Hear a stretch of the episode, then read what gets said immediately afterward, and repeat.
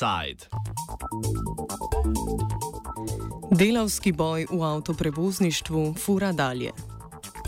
ساق الخري إلى منجرك وخ الخري إلى منترك O delavskem boju v prevozniškem podjetju Arriva Slovenija smo na zadnje poročali 24. julija, ko je v javnost prišla vest, da je vodstvo proti sindikalistu Andreju Mesarošu sprožilo postopek redne odpovedi zaradi krivdnih razlogov.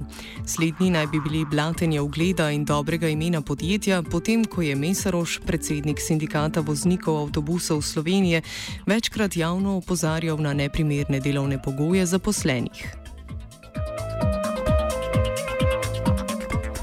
V dobrem mesecu dni, ki je minil od takrat, se je boj k večjemu zaostril. Vodstvu Arive je odpoved Mesaroša uspela, v sindikatu pa so z napovedjo stavke in seznamom zahtev pričeli pogajanja, za katera je rok potekel o polnoči to nedeljo. Socialni dialog je bil neuspešen in stavka se je pričela. Mesaroš povzame potek dogajanj. Bili smo prisotni na petem pogajalskem sestanku. Ne? In eh, od teh petih eh, pogajalskih sestankov, niti na eni se z enem, nismo dobili nobenega približevalnega, eh, nobene približevalne ponudbe, enostavno delodajalec. Vedno je v izogib temu, vedno nas je hotel peljati na, na, na stranski, hotel se pogovarjati strogo samo o temu minimumu, koliko bomo zagotovili v v primeru, da pride do štrajka, do stavke, da kako bomo, koliko bomo zagotovili prevozov, seveda hočejo od nas eh, povleč ven eh, informacije, da je on tako miren lahko razpolaga z informacijami. In, in ni hotel ne o stavkovnih zahtevah, ne eh, o ničemer, ničemer se pogovarjati, niti se, se približal našim predlogom. Na vkljub temu, da so v sindikatu pokazali več pripravljenosti na diplomatsko rešitev konflikta kot vodstvo, se slednje ni premaknilo svoje pozicije. Posluževati pa so se začeli tudi bolj spornih metod pritiska na zaposlene. Tako da smo mi pred zadnjem, uh, smo tudi dali en približevalni predlog, odstopili smo od prvih treh uh, zahtevkov, tako da smo dali noter samo četrto in peto.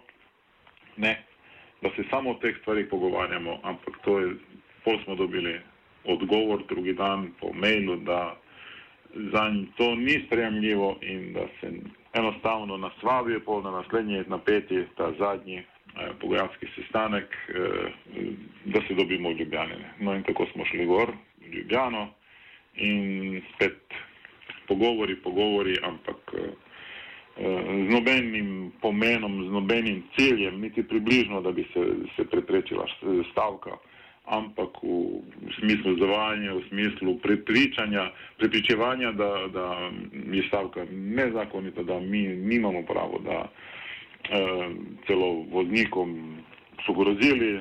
Tako so začeli s temi grožnjami, ker pač vedno je tako, če ti manjka argumentov, začneš groziti.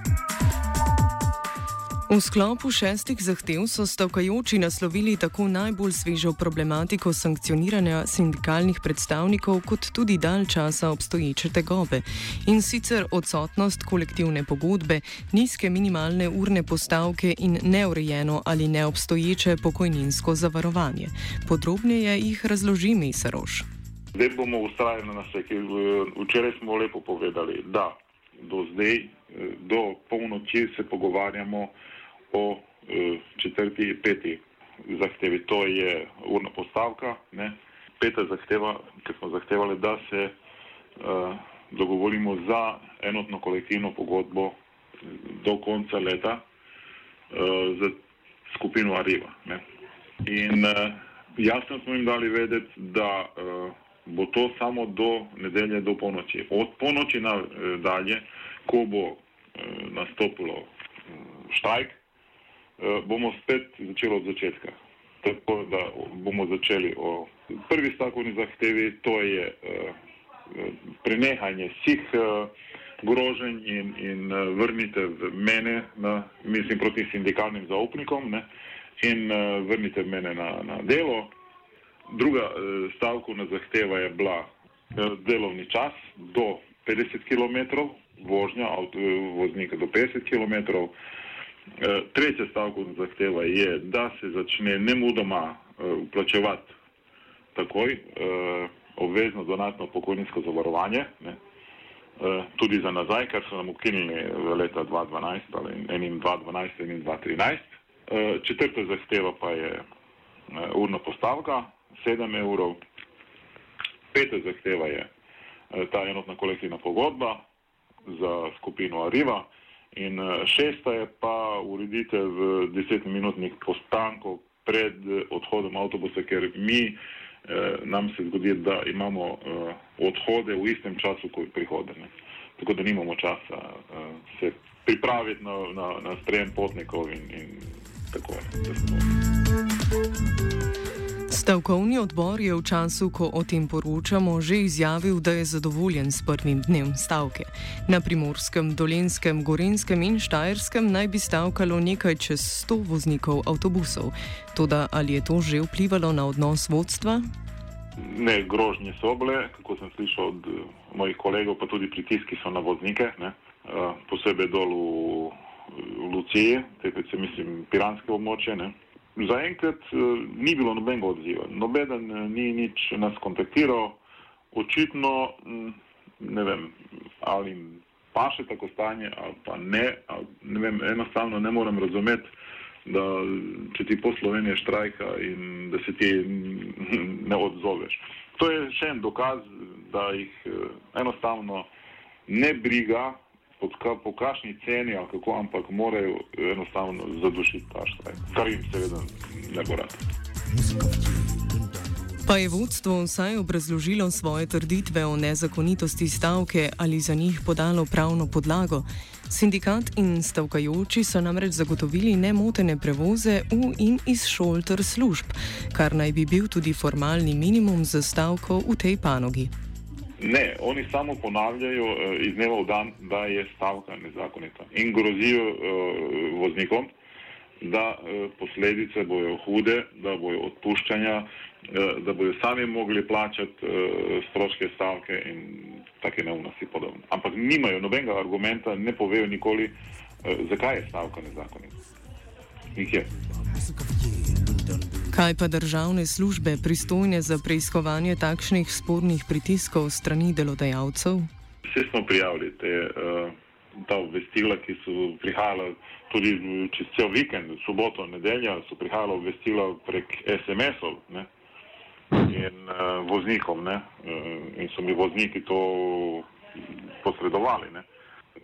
Vsi smo to mi poslali pol. Uh, gospe Trčkovi na, na, na inšpektorat, glavni inšpektorci, tako da prijavili smo. Eh, zdaj ali bo inšpektorat ukrepal ali ne bo to pa. Arriva Slovenija je sicer zgolj lokalna izpostava mednarodnega koncerna Arriva, ki je v večinski lasti podjetja Deutsche Bahn. Kako vidi odnos lastnikov do podjetja in zaposlenih ter iz tega sledečo ekonomsko in ko pride do sindikalnih pogajanj tudi politično logiko, za zaključek povzame Mesaroš. Mi smo enkrat na enem od za podjetniško kolektivno pogodbo, zdaj se ne spomnim, 2015 ali 2016 na to temo, ne, koliko so oni podrejeni, eh, naprimer podrejeni, navednice k lasniku. Celo mi je eh, povedal pogajalec na drugi strani, da je oni morajo 8% eh, dobička nameniti lasniku. Vse, kar je čez 8%, je to tukaj njihovo.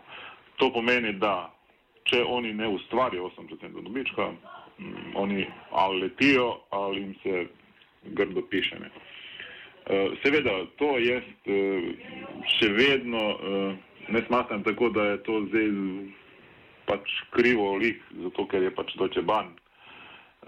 To bi se nam dogajalo tudi, če bi bila to kakšna slovenska firma ali pa bilo kakšna druga, ker to vodstvo, kar jih imamo trenutno,